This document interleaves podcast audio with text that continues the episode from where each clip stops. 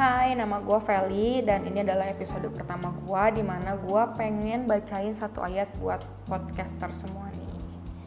Oke, gue bacain ya. Gue pengen bacain satu ayat yang bener-bener gue dapetin ketika masa-masa covid atau masa-masa kita harus diam di rumah aja.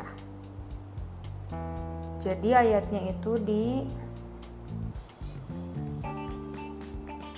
di Matius 24 ayat 12 dan karena makin bertambahnya kedurhakaan maka kasih kebanyakan orang akan menjadi dingin.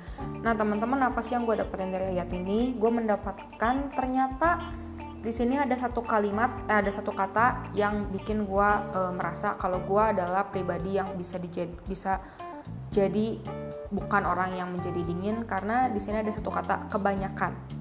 Kebanyakan orang akan menjadi dingin. Nah buat teman-teman semua gue harap kalian dan gue juga kita semua adalah orang-orang yang ada di kebanyakan orang yang nggak ada di kebanyakan orang akan menjadi dingin.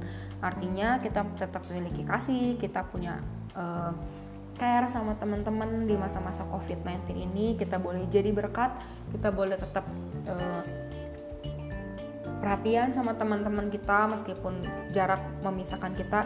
Tapi gue percaya lewat sosial media yang kalian punya kalian tetap bisa jadi berkat.